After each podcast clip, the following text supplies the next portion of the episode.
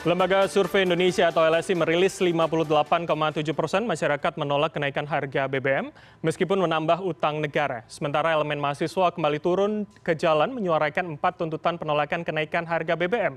Meski negara menyebut kenaikan harga BBM harus dilakukan sebagai langkah penyelamatan APBN, namun kebijakan penyesuaian harga dipandang akan melemahkan daya beli masyarakat di tengah melonjaknya sejumlah harga komoditas pokok lainnya. Bagaimana negara menanggapi penolakan ini dan apa saja langkah lanjutan yang akan ditempuh oleh publik pasca harga yang sudah dinaikkan? Lalu juga seberapa tepat bantuan bantalan sosial maupun pola subsidi saat ini? Dan untuk membahasnya lebih dalam sudah tergabung bersama kami pertama Kepala Kebijakan Fiskal Kementerian Keuangan ada Febrio Kacaribu. Pak Febrio, apa kabar? Baik, Mas Bram. Baik, Alhamdulillah. Berikutnya adalah Direktur Eksekutif LSI Jayadi Hanan. Pak Jayadi, apa kabar? Baik, Mas. Selamat malam, Mas. Selamat malam. Dan yang terakhir adalah Ketua Umum PB PMI Abdullah Sukri, Mas Abe. Apa kabar? Ya, siap. Baik, Mas Bram. Alhamdulillah dalam kondisi baik semua, eh, Bapak-Bapak. Saya akan ke Pak Jayadi dulu nih. Kemudian uh, surveinya sudah dirilis tepat satu hari setelah pemerintah men menyesuaikan harga BBM. Apa yang kemudian uh, dalam survei LSI tangkap begitu yang menjadi keinginan masyarakat sebetulnya terkait harga BBM, Pak Jayadi? Uh, survei ini dilak jadi ini sikap masyarakat sebelum keputusan itu diambil ya. Jadi ini apa namanya uh, survei dilakukan pada tanggal 13 sampai 21 Agustus. Sebetulnya kami melakukan beberapa kali survei, tapi sikap masyarakat tetap sama ya. Mm-hmm. Mayoritas itu uh, menolak uh, kalau pemerintah menaikkan bahan BBM, tentu dengan alasan-alasan yang sudah kita pahami. Meskipun di dalam pertanyaan kita sebutkan bahwa kenaikan harga BBM itu untuk apa, mengurangi beban mengurangi beban negara. Kalau BBM dinaikkan, maka beban negara akan bertambah dan bisa saja kita menambah hutang. Tapi mayoritas masyarakat tetap saja mengatakan sebaiknya tidak dinaikkan. Hmm. Yang menyatakan setuju uh, sekitar 27 persen ya. Nah uh, sebelum lebih jauh, kalau kita elaborasi di kalangan masyarakat uh, yang kelas menengah bawah tampaknya yang paling banyak menyatakan menolak itu. Baik di kalangan masyarakat yang kelas atas yang pendidikannya lebih tinggi kemudian pendapatannya di atas empat juta mhm. itu uh, sekitar 42 persen yang menyatakan menerima kenaikan kalau kalau BBM dinaikkan. Tapi tetap mayoritas yang menolak ya 51 persenan. Cuma mhm. itu polanya. Makin tinggi pendapatan masyarakat makin uh, menerima dia uh, apa kenaikan harga BBM itu. Baik. Jadi di sini ada ada dua soal saya kira mas mas Bram. Satu bagaimana pemerintah menjelaskan eh, alasan alasan kenaikan bbm itu sehingga bisa diterima oleh masyarakat terutama kalangan masyarakat bawah. Itu satu. Yang kedua termasuk juga masyarakat yang ini ya karena masyarakat kelas menengah atas juga uh, mayoritas menolak. Mm-hmm. yang kedua adalah uh, apa bagaimana pemerintah meyakinkan masyarakat bahwa terutama masyarakat kelas bawah bahwa kenaikan itu tidak akan menimbulkan shock yang berlebihan sehingga itu menimbulkan keterpurukan jauh lebih dalam terhadap mereka. Jadi eh, mungkin dalam logika masyarakat daripada rakyat yang dikorbankan, kira-kira gitu ya, ya, rakyat yang menderita, kenapa nggak negara aja menderita? Barangkali begitu logika yang dipakai. Baik. Nah ini ini persoalannya adalah uh, persoalan antara substansi dengan komunikasi. Saya kira itu salah satu hal yang mungkin bisa kita ambil uh, apa uh, dari hasil data survei ini. Baik, baik. Pak Jayadi, artinya masalah atau perspektif beban negara, utang negara itu tidak menjadi persoalan untuk mereka yang kemudian uh, menolak yang mayoritas adalah uh, kalangan menengah ke bawah, begitu ya maksud Anda. Saya akan coba ke Pak Rio untuk uh, menanggapi bagaimana kemudian negara Kemenq melihat ini Pak. Apakah benar masalah sosialisasi itu tidak disampaikan untuk uh, masyarakat yang berada pada level-level berbeda apa ya banyak begitu kita akan usahakan terus. Uh, jadi terima kasih sekali untuk uh, masukannya uh, Pak Jayadi. Ini memang informasi-informasi seperti ini akan terus kita gunakan untuk mempertajam uh, kebijakan uh, yang sudah dibuat ya. Uh, kalau boleh uh, saya jelaskan lagi bahwa uh, di anggaran uh, belanja negara sebelumnya itu untuk tahun 2022 subsidi uh, energi itu besarnya hanya 152 triliun lalu ketika harga harga meningkat khususnya harga minyak dan harga harga yang lain pemerintah kemudian menahan supaya harga pertalite itu tidak berubah, harga solar tidak berubah, LPG juga tidak berubah. Nah itu membuat pemerintah harus menaikkan CD sebesar ke 502 triliun. Jadi sudah lebih dari tiga kali lipat. Jadi kalau ditanya bagaimana masyarakat lindungi daya belinya, dilindungi sampai tiga kali lipat. Tadinya disiapkan 152 triliun, kemudian diubah di pertengahan Mei kemarin itu menjadi 502,4 triliun. Lalu kemudian harga terus naik eh, di uh, pasar internasional. Lalu pemerintah uh, menghitung kembali, ini sesuai dengan arahan dari Pak Presiden, Kementerian Keuangan disuruh menghitung lagi. Uh, kita melihat bahwa anggaran subsidi itu akan menuju 698 triliun. Jadi hampir 700 triliun. Nah pertanyaannya, siapa yang menikmati 700 triliun tersebut? Karena kita lihat siapa yang membeli uh, solar, siapa yang membeli pertalite. Ternyata lebih dari 70 sampai 80 persen yang menggunakan solar dan pertalite itu adalah kelompok masyarakat mampu. Siapa itu yang mampu? Yang uh, di atas 40 persen termiskin. Jadi kalau kita orang miskin itu di Indonesia itu sekitar di bawah 10 persen. Artinya 10 persen terbawah lah sebenarnya orang Baik. miskin tetapi pemerintah selalu meluaskan sedikit ke atas bahkan jauh menjadi 40 persen termiskin itu kita sebut sebagai miskin dan rentan sekarang pertanyaannya 700 triliun itu dinikmati oleh siapa seluruh masyarakat Indonesia lalu kita bertanya yang paling banyak menikmati dari 700 triliun itu siapa? Masyarakat yang mampu. Itu lebih dari 70 persen. Makanya arahan Pak Presiden adalah mari kita alihkan sebagian dari subsidi tersebut yang sangat banyak dinikmati oleh kelas menengah ke atas kita alihkan ke kelas miskin dan rentan. Itulah yang kemudian keputusan yang diambil sehingga kita alokasikan 24,17 triliun untuk mendukung daya beli masyarakat miskin dan rentan. Baik, Pak Rio, kalau Harus kemudian Oke, baik. Kalau kemudian Anda mengatakan ada ketidaktepatan sasaran begitu yang menikmati subsidi adalah bukan mereka dari kelas uh, menengah ke bawah, apalagi yang membutuhkan, mengapa tidak kemudian skemanya adalah membenahi uh, skema dari subsidi yang tepat dulu Pak? Kenapa kemudian akhirnya melakukan pengalihan? Karena rasanya kalau kita tidak mencari sumber masalahnya, jangan-jangan kemudian hari akan berulang dan akan ada kenaikan lagi begitu, Pak Rio? Betul. Nah, justru ini adalah langkah pertama. Langkah pertama adalah kita ambil dari 700 triliun tersebut, yang tadi 698 itu, kita ambil sebagian, lalu kita siapkan untuk diserahkan langsung ke masyarakat dan sehingga mengurangi ketidaktepat sasaran itu tadi. Akan tetapi pekerjaan kita masih besar, karena kita juga masih ingin, karena kita masih lihat bahwa setelah diturunkan pun uh, dari 700 triliun itu, uh, sekarang outlook dari subsidi kita masih di 650 triliun sampai akhir tahun. Ini masih sangat besar. Artinya ini langkah pertama yang kita lakukan.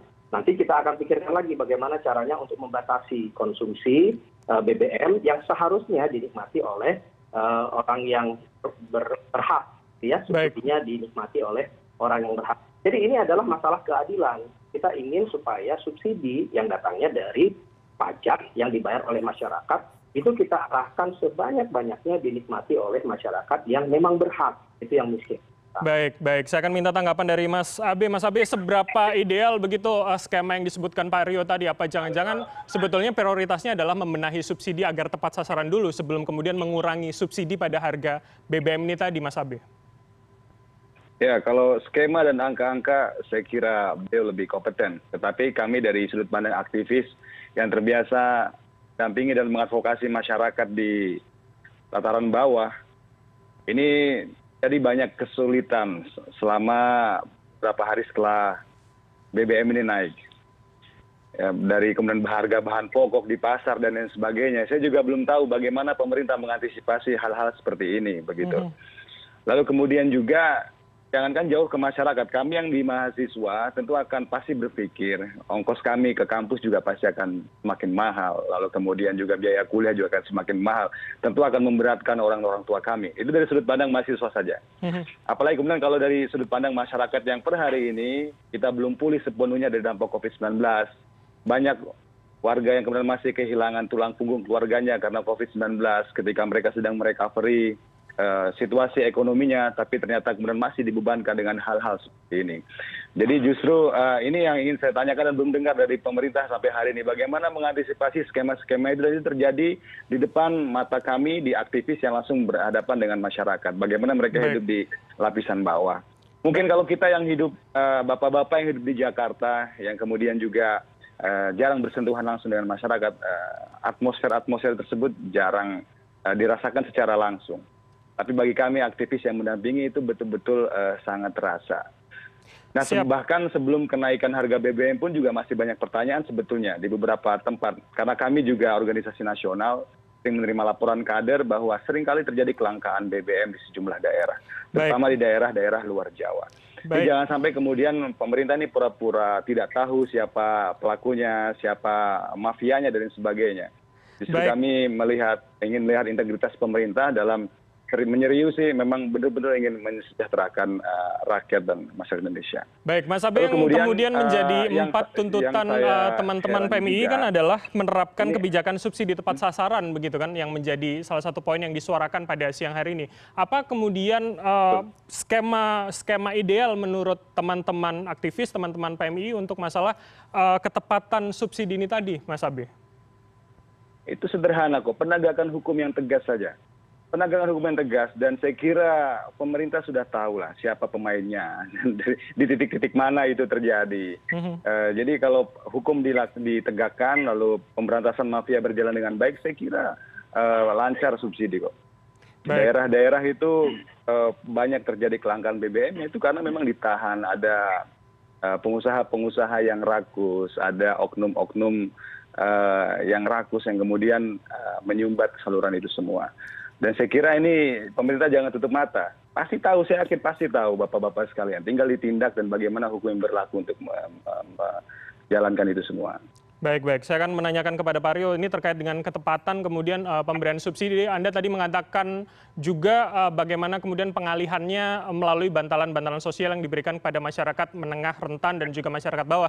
Tapi jangan langsung dijawab Pak Rio karena kita akan jeda sejenak. Kita akan kembali melanjutkan dialog soal polemik kenaikan harga BBM. CNN Indonesia Newscast akan kembali usai jeda. Tetaplah bersama kami.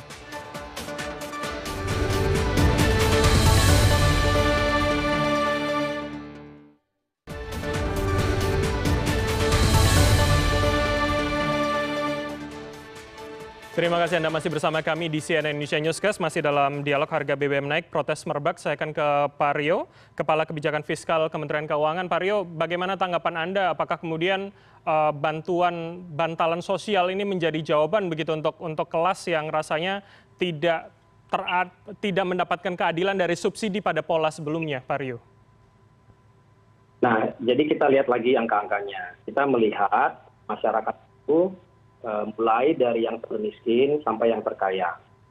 10 persen termiskin itu masuk di garis kemiskinan biasanya. Dan itu yang selalu kita lindungi. Nah, lalu 20 persen, 30 persen, 40 persen itu yang selalu kita sebut adalah miskin dan rentan. Dan ini yang selalu menjadi sasaran utama bagi perlindungan sosial kita. Nah, yang jadi masalah adalah subsidi energi ini jauh lebih besar daripada eh, anggaran kita untuk perlinsos. Perlinsos itu untuk apa? Keluarga eh, eh, yang 10% terbawah, 20% terbawah. Ini misalnya adalah eh, program keluarga harapan. Ini sudah setiap saat kita berikan eh, bantuan. Nah, kita justru ingin melihat bagaimana supaya masyarakat yang miskin dan rentan ini yang sudah kita topang dengan program PKH, kartu sembako, diskon listrik waktu itu, bansos tunai, BLT desa. Ini semuanya kita harus bisa perkuat lagi. Pertanyaannya adalah, kan sayang sekali uang 502 triliun dan mengembang menjadi 698 triliun, itu justru eh, 70 persen lebih dinikmati oleh orang yang mampu. Nah, di sinilah logikanya bagaimana kita mengalihkan sebagian dari uang itu untuk langsung diserahkan kepada masyarakat yang membutuhkan. Nah, tadi kan ada yang mengatakan seperti tadi eh, Mas Abe bilang, Pak masih ada yang belum eh, merasakan manfaat itu. Nah, silahkan dilaporkan ke peduli dan eh, lapor dan sanggah yang ada di Kementerian Sosial. Karena data yang ada sekarang itu memang harus terus diperbaiki. Jadi kalau ada masyarakat yang merasa kurang mampu itu bisa mendaftarkan dirinya ke kemensos. Nah di situlah nanti kita bisa dapatkan bahwa mayoritas dari 40 persen terbawah ini bisa terus kita topang. Seberapa besar kita bantu tiap tahun kita anggarkan ratusan triliun memang untuk kalangan miskin dan rentan ini. Pertanyaannya adalah apakah kita waktu juga membantu miskin dan rentan tetapi kita 70 persen dari 600 700 triliun itu tetap kita berikan kepada masyarakat yang punya mobil yang mampu yang selalu malah sebenarnya nggak memerlukan subsidi itu. Sehingga logika subsidi ini yang harus kita buat lebih berkeadilan baik baik. Saya akan coba tanya ke pak jayadi. Pak jayadi apakah kemudian survei yang kemudian dilakukan lsi kemarin memotret begitu? Apakah tadi anda mengatakan bahwa ada semacam skeptis terkait dengan soal urusan utang negara beban anggaran tapi apakah kemudian masalah subsidi ini juga terpotret dengan baik? Apa yang sebetulnya dibutuhkan dan apa yang harapan masyarakat begitu pak? Ya pertama ya sekali lagi mungkin ini persoalan substansi tapi mungkin juga persoalan komunikasi dari pemerintah kepada masyarakat ya. Kami juga menanyakan menurut masyarakat sebaiknya subsidi itu diberikan kepada subsidi dalam bentuk harga barang langsung ke barang atau diberikan subsidi seperti diuraikan oleh pak febrio tadi. Nah menariknya masyarakat mayoritas memilih subsidi harga barang. Baik jadi kan ada gap tuh antara yang dijelaskan oleh pak febrio ya yang menurut apa namanya kebijakan seharusnya seperti kata pak febrio tapi dalam persepsi masyarakat seharusnya itu mayoritas masyarakat mempersepsi harusnya subsidi itu dalam bentuk pengurangan harga barang atau harga barang yang distabilkan. Alasannya supaya semua bisa menikmati. Itu itu itu satu. Yang kedua saya kira apa namanya tampaknya persoalan distribusi itu memang menjadi soal ya. Kami misalnya menanyakan apa yang membuat masyarakat itu menyatakan menilai kinerja pemerintah positif atau negatif? Yang menyatakan menilai kinerja pemerintah positif itu alasannya apa? Antara lain alasannya itu antara lain adalah karena mereka memperoleh bantuan sosial. Karena mereka memperoleh bantuan dari pemerintah tapi yang menyatakan tidak puas atau menyatakan menilai kinerja pemerintah negatif alasannya juga sama. Antara lain mereka tidak puas negatif kinerja pemerintah karena mereka tidak mendapatkan bantuan sosial. Jadi apa yang saya menduga problem di sini adalah problem di distribusi. Dan tadi mas apa dari pmi juga sama ya menyoroti hal hal yang sama. Meskipun penyebabnya katanya antara lain mafia nah itu satu jadi soal distribusi. Tapi yang lebih substantif menurut saya adalah di survei juga menanyakan apa sih masalah pokok yang saat ini betul betul mendesak bagi masyarakat masalah dua yang paling mendesak itu. Saya kira ini mengkonfirmasi yang disampaikan oleh mas dari pmi tadi ya. Satu adalah soal harga barang barang kebutuhan pokok. Jadi itu betul betul menjadi beban bagi bagi masyarakat. Yang kedua adalah soal apa namanya soal tidak bekerja soal pengangguran. Tidak tersedianya lapangan pekerjaan. Nah jadi persoalan distribusi dan kemudian persoalan komunikasi sosialisasi kemudian persoalan substansi masalah masalah ekonomi sehari hari yang dihadapi oleh masyarakat. Nah kita kita kan bisa membayangkan masyarakat secara dalam kehidupan sehari hari akan melihat kalau harga bbm naik pasti harga barang barang naik gitu kan. Sementara mereka mereka merasa tidak punya kepastian misalnya apakah seperti yang tadi diuraikan oleh kelompok nelayan itu ya mereka tidak pasti ini seberapa jauh bantuan bisa membantu mereka gitu.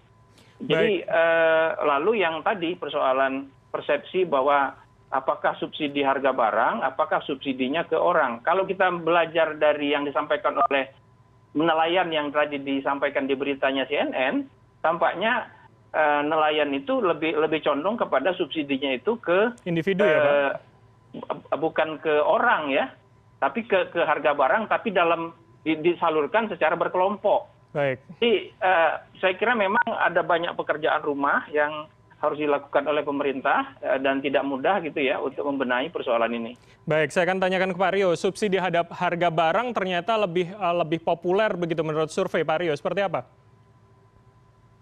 Makanya yang ditanya harusnya yang 40 persen terbawah. 40 persen terbawah mungkin nggak punya HP untuk menjawab survei. nah ini yang mungkin surveinya surveinya tatap muka pak karena kalau kita surveinya tatap muka pakai kan ini adalah data susenas data susenas itu BPS-nya memang turun ke lapangan dan kita lihat 40 persen termiskin itu karakteristiknya seperti apa. Pak Rio. Lalu yang kita butuhkan apa? Ini dijawab oleh Pak Jayadi, uh, surveinya tatap muka begitu Pak? Survei turun lapangan Pak, bukan survei telepon ini. Ya, nah. Jadi 40, jadi masyarakat termiskin itu terwakili di sini secara proporsional. Itu, karakteristiknya seperti apa? Mereka itu biasanya memang membutuhkan ada bantuan untuk ibu hamil, anak usia dini, untuk anak yang sd anak yang smp anak yang sma bahkan ada juga yang disabilitas dan lansia. Ini karakteristik orang yang menerima pkh itu 20 persen termiskin dari masyarakat kita. Lalu ada juga yang mendapatkan kartu sembako ini 18,8 juta keluarga ini menerima setiap bulannya dua ratus ribu rupiah per bulan. Nah sehingga karakteristik belanja mereka itu memang sangat berbeda dengan masyarakat yang memiliki kendaraan bermotor. Jadi inilah yang harusnya kita memang fokuskan. Ketika pemerintah menggelotorkan hampir 700 triliun, harusnya fokusnya siapa? Fokusnya bukan tentu orang yang punya kendaraan bermotor, tetapi justru adalah masyarakat yang sangat membutuhkan ini. Baik, Pak Jayadi, apa tanggapan Anda tadi disebutkan juga salah satunya kartu sembako seperti itu menjadi salah satu substitusi rasanya. Silakan, Pak. Eh, ya, saya saya tidak berani menganalisis ke sana ya, tapi saya yang ingin saya katakan bahwa eh, apa persepsi masyarakat bawah pun dalam survei ini sama gitu bahwa sebaiknya subsidi harga barang gitu jadi mungkin itu persoalannya bukan di substansi ya tapi persoalan bagaimana menjelaskan kepada mereka. Atau ada ada salah persepsi soal subsidi itu. Mereka inginnya tetap dapat bantuan sosial tapi pada saat yang sama harga barang nggak naik akibat kenaikan harga BBM bisa juga begitu kan? Jadi eh, apa tapi yang ingin saya tegaskan bahwa survei ini turun ke lapangan Pak Febrio. Survei tatap muka. Ya Baik. ada apa, puluhan pertanyaan yang sifatnya apa detail kita tanyakan kepada masyarakat dan itu mewakili termasuk yang Pak Rio, Pak Febrio sebut 40 persen masyarakat termiskin bawah, eh, paling miskin itu. Baik, Pak Jayadi, saya ingin uh, mencoba men menegaskan kembali, apakah kemudian yang dimaksud dalam survei Anda subsidi barang itu adalah kemudian ketika harga BBM naik, masyarakat berharap bahwa uh, dengan adanya subsidi barang ini akan menekan atau tidak kemudian menaikkan harga yang sudah ada sekarang, begitu, Pak Jayadi? Ya itu. Saya kira memang perlu didalami di situ ya bahwa jangan jangan masyarakat itu tetap ingin harga barangnya apa rendah tapi pada saat yang sama bantuan sosial tetap ada gitu. Nah, termasuk masyarakat yang miskin ya gitu. Jadi eh, jadi kalau begitu kan persoalannya dikomunikasi kan kalau kalau masalah itu. Menjelaskan bahwa ini loh kalau eh, kalau anda dapat bantuan sosial maka eh, apa namanya anda dibantu untuk mampu menghadapi kenaikan harga harga barang gitu kan? Nah itu barangkali yang menjadi salah satu pokok soal juga saya kira. Selain tadi eh, saya kira banyak eh, pihak pemerintah juga sering mengakui bahwa persoalan distribusi bantuan sosial itu memang sering kali menjadi masalah. Saya dengar sumber data untuk bantuan sosial itu banyak. Baik. dan dan sering kali tidak sinkron satu sama lain. Yang memberikan bantuan bantuan sosial atau apa pun namanya bantuan itu kan macam-macam namanya. Pak biro menyebut pkh ada juga yang ada juga sebenarnya untuk pendidikan kip ya. Lalu ada uh, yang baru ini bsu nah itu apa namanya bagaimana tuh koordinasinya? Apa yang menyampaikan kepada masyarakat itu kan macam-macam juga. Apakah itu terdistribusi secara betul-betul Eh, baik atau tidak, dan itu saya tidak tahu. Baik, Mas Abe seperti apa? Apakah kemudian uh, mahasiswa dan juga teman-teman aktivis melihat ada ketidaktepatan komunikasi gitu, utamanya kepada masyarakat kelas menengah ke bawah, Mas Abe? Ya, mohon maaf, ini justru menimbulkan kecurigaan bagi saya ketika BLT yang menjadi solusi. Mm -hmm. Ini kekhawatiran saya, ini kekhawatiran kecurigaan kami. Eh, jangan-jangan uh, Eh, situasi bbm dinaikkan ini sengaja agar pemerintah diberikan kesempatan untuk membuat program blt yang nanti bisa dimanfaatkan beberapa pihak tertentu untuk tahun politik di tahun 2024 karena sudah terbukti bahwa kita memberikan bantuan secara langsung kepada masyarakat yang memiliki ekonomi rendah. Mohon maaf biasanya literasi politiknya juga rendah. eh, sehingga justru akan menjadi eh, tunggangan pihak-pihak tertentu untuk eh, menjadi klaim untuk menggait suara di tahun 2024 nanti. Karena ini pasti BLT-nya akan berlangsung berbulan-bulan ke depan dan juga kalau situasinya tidak berubah saya kira sampai tahun depan juga akan dilaksanakan. Jadi jangan sampai ini menjadi tunggangan politik. Kan terbukti eh, blt ini jadi senjata politik di beberapa negara berkembang termasuk juga di indonesia di periode periode sebelumnya. Ini bisa diklaim menjadi eh, satu eh, wacana manis politik begitu janji-janji kepada masyarakat yang mohon maaf memiliki literasi politik yang kurang begitu baik lalu kemudian juga ini kalau saya diberikan kesempatan bertanya kepada bapak presiden presiden jokowi Eh, di beberapa kesempatan kalau saya tidak salah lihat karena masih ada jejak medianya beliau mengatakan bahwa tidak terlalu suka dengan uh, konsep BLT ketika memberikan bantuan langsung secara tunai ke masyarakat. Beliau lebih suka memberikan bantuan kepada usaha produktif begitu. Tapi ternyata tidak terjadi pada kasus hari ini. Lalu kemudian juga mengatakan uh, di media besar juga bahwa akhir sampai akhir tahun ini dipastikan tidak akan ada kenaikan BBM. Tapi ternyata belum sampai habis tahun ini ada kenaikan bbm. baik nah, kemudian dengan situasi hari ini indonesia sedang banyak kedatangan tamu dari luar negeri karena kita memegang presidensi G20 yang mana Indonesia dijadikan percontohan negara yang memiliki pemulihan ekonomi yang baik. Tapi justru dengan adanya hari ini, ini menjadi pertanyaan kembali buat uh, buat pemerintah apakah memang baik, ini baik. bisa menjadikan uh, itu jadikan alasan begitu. Baik, kita akan Jadi konfirmasi pertanyaan, pertanyaan yang kepada... muncul dari kami yang hmm. tadi kembali ya, selalu mendampingi masyarakat langsung di tataran paling bawah. Baik, kita akan tanyakan ke Pak Rio seperti apa, apakah jangan-jangan uh, tidak sesuai dengan keinginan Presiden pengalihan kepada sektor yang produktif begitu, bukan pada bantuan sosial. Tapi usai jeda, kita akan jeda sejenak, pemirsa tetaplah bersama kami di CNN Indonesia Newscast.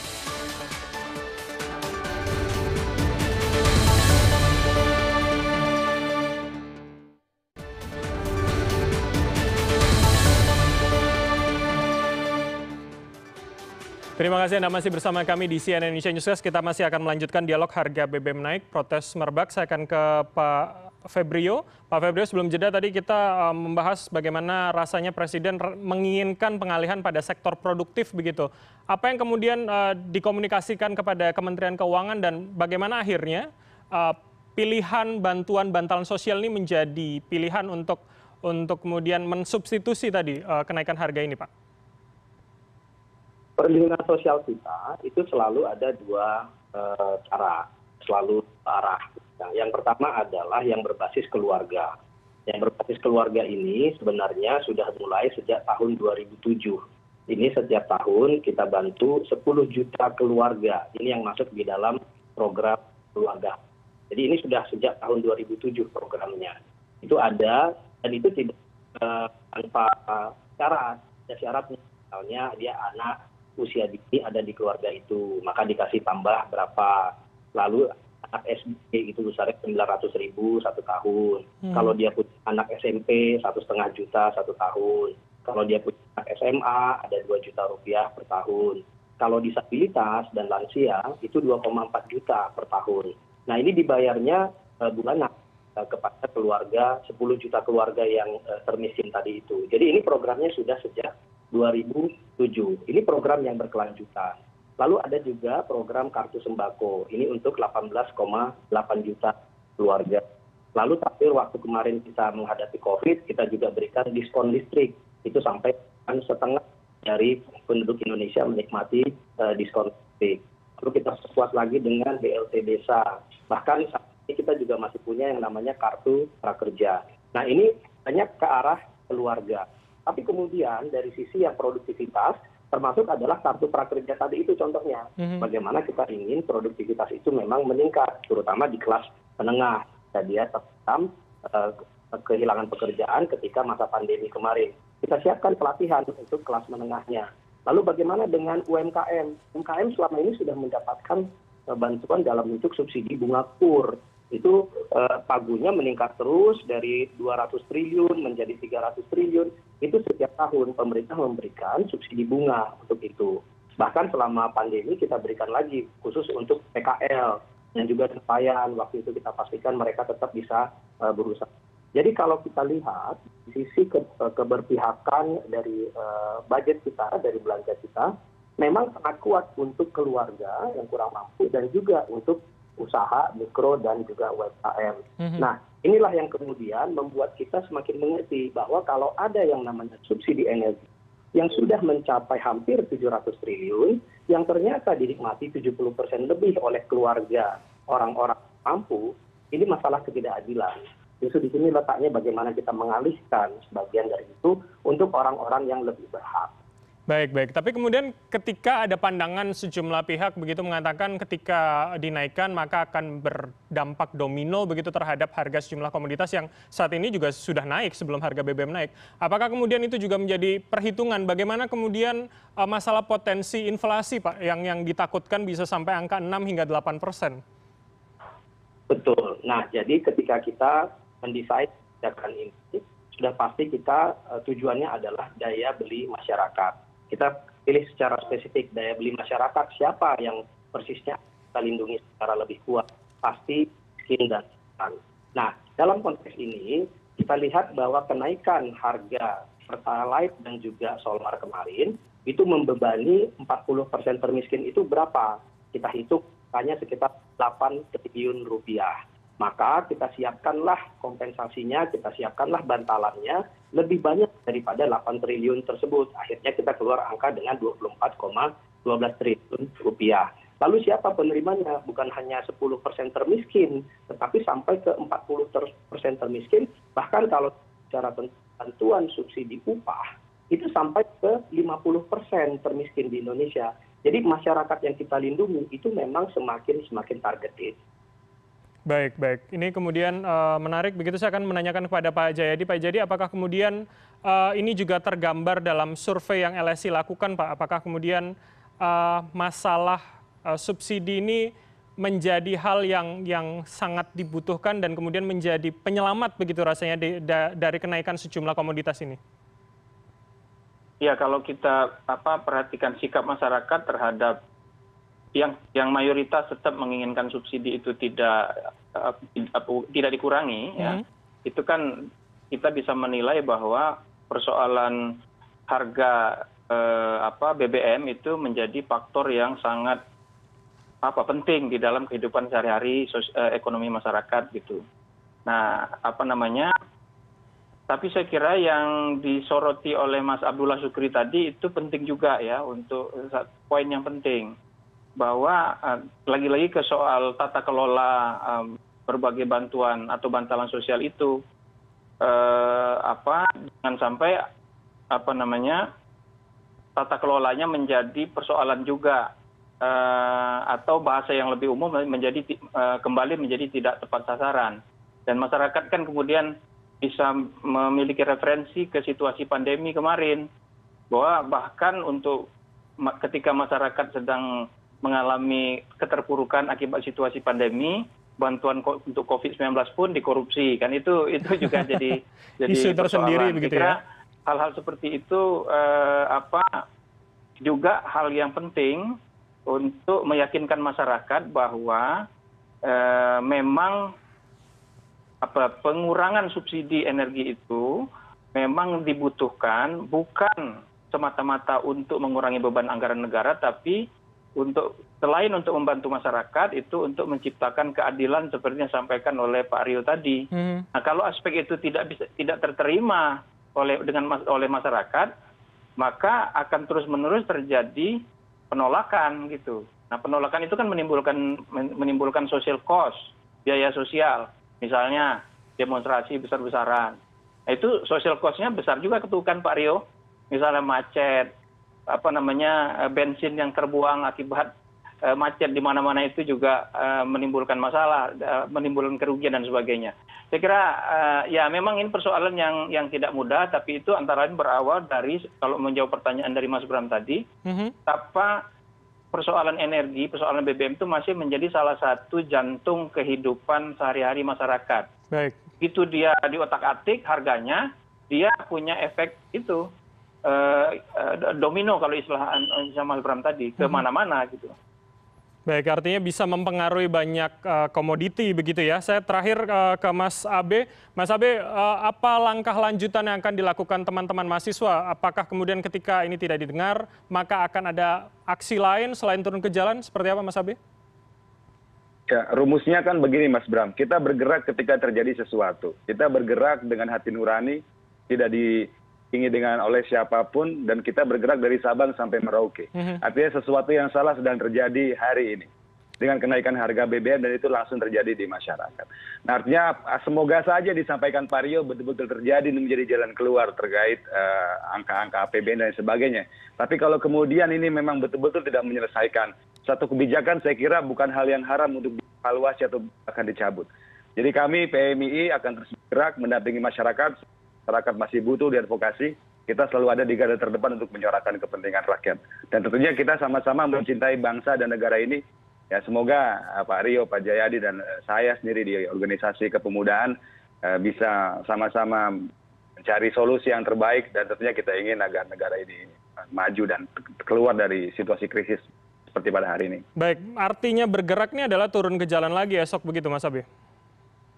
Ya turun ke jalan kita mengadvokasi menyambungkan masyarakat kepada stakeholders dengan diskusi dengan uh, mungkin fgd dan lain sebagainya untuk memberikan pemahaman kepada masyarakat dan kemudian mencari jalan keluar bersama-sama begitu. Tapi per hari ini kita sudah mengeluarkan instruksi kepada seluruh cabang PMI Indonesia dan bisa Mas Bram uh, cek sendiri melalui tayangan CNN saya kira sudah banyak liputannya sudah banyak teman teman yang uh, turun seperti pada hari ini baik, baik. saya hanya memprediksi hanya 2.000 kader yang turun tetapi ternyata tadi sampai 5.000 kader yang turun dan itu digerakkan dengan uh, sukarela dan uh, hati nurani begitu baik. tadi di uh, seputaran Monas. Baik, saya akan terakhir ini ke Pak Rio. Pak Rio seperti apa kemudian ketika uh, Pak Jayadi tadi uh, mengatakan dari potret surveinya sebenarnya ini masalah komunikasi. Apakah kemudian akan membenahi uh, komunikasi soal bagaimana perspektif itu bisa sampai ke masyarakat apalagi di tingkat menengah ke bawah Pak Rio? Saya pikir bagus sekali ya komunikasi memang uh, harus terus kita perbaiki kita tingkatkan. Uh, uh, tapi yang dalam waktu jangka dekat yang harus kita pastikan dari sisi pemerintah adalah kita di daya beli masyarakat. Dan di masyarakat ini kita ikuti tentunya bukan hanya sekali dalam berapa bulan tapi kita lihat minggu demi minggu. Contohnya kemarin dengan inflasi bulan Juli sudah 4,9 lalu kemudian eh, kita identifikasi apa penyebabnya. Oh ternyata beberapa barang kebutuhan pokok yang memang susah didapatkan sehingga harganya meningkat. Contohnya adalah bawang merah eh, cabai keriting dan sebagainya. Nah satu bulan kemudian pemerintah bergerak dengan sangat cepat. Kemudian inflasinya malah turun di tahun jadi eh, bulan Agustusnya. Nah itu karena lainnya kemudian hasil dipastikan tersedia. Gerakan seperti inilah yang dibutuhkan dari pemerintah dan juga tentunya harus berkolaborasi dengan masyarakat. Pemerintah ini tentunya juga pemerintah pusat dan juga pemerintah daerah. Kita semua harus bahu membahu menjaga daya beli masyarakat dan tentunya seperti yang disampaikan oleh mas abid. Kita sama sama mencintai indonesia mari kita jaga masyarakat dan juga masyarakat khususnya yang miskin dan rentan eh, terus kita jaga daya belinya.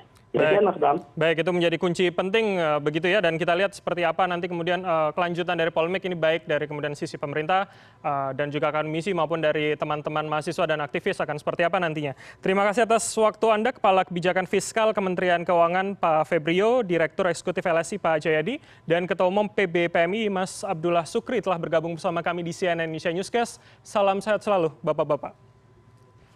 Terima kasih. Terima kasih Mas di KB. Terima kasih Pak. CNN Indonesia Newscast akan kembali usai jeda, tetaplah bersama kami.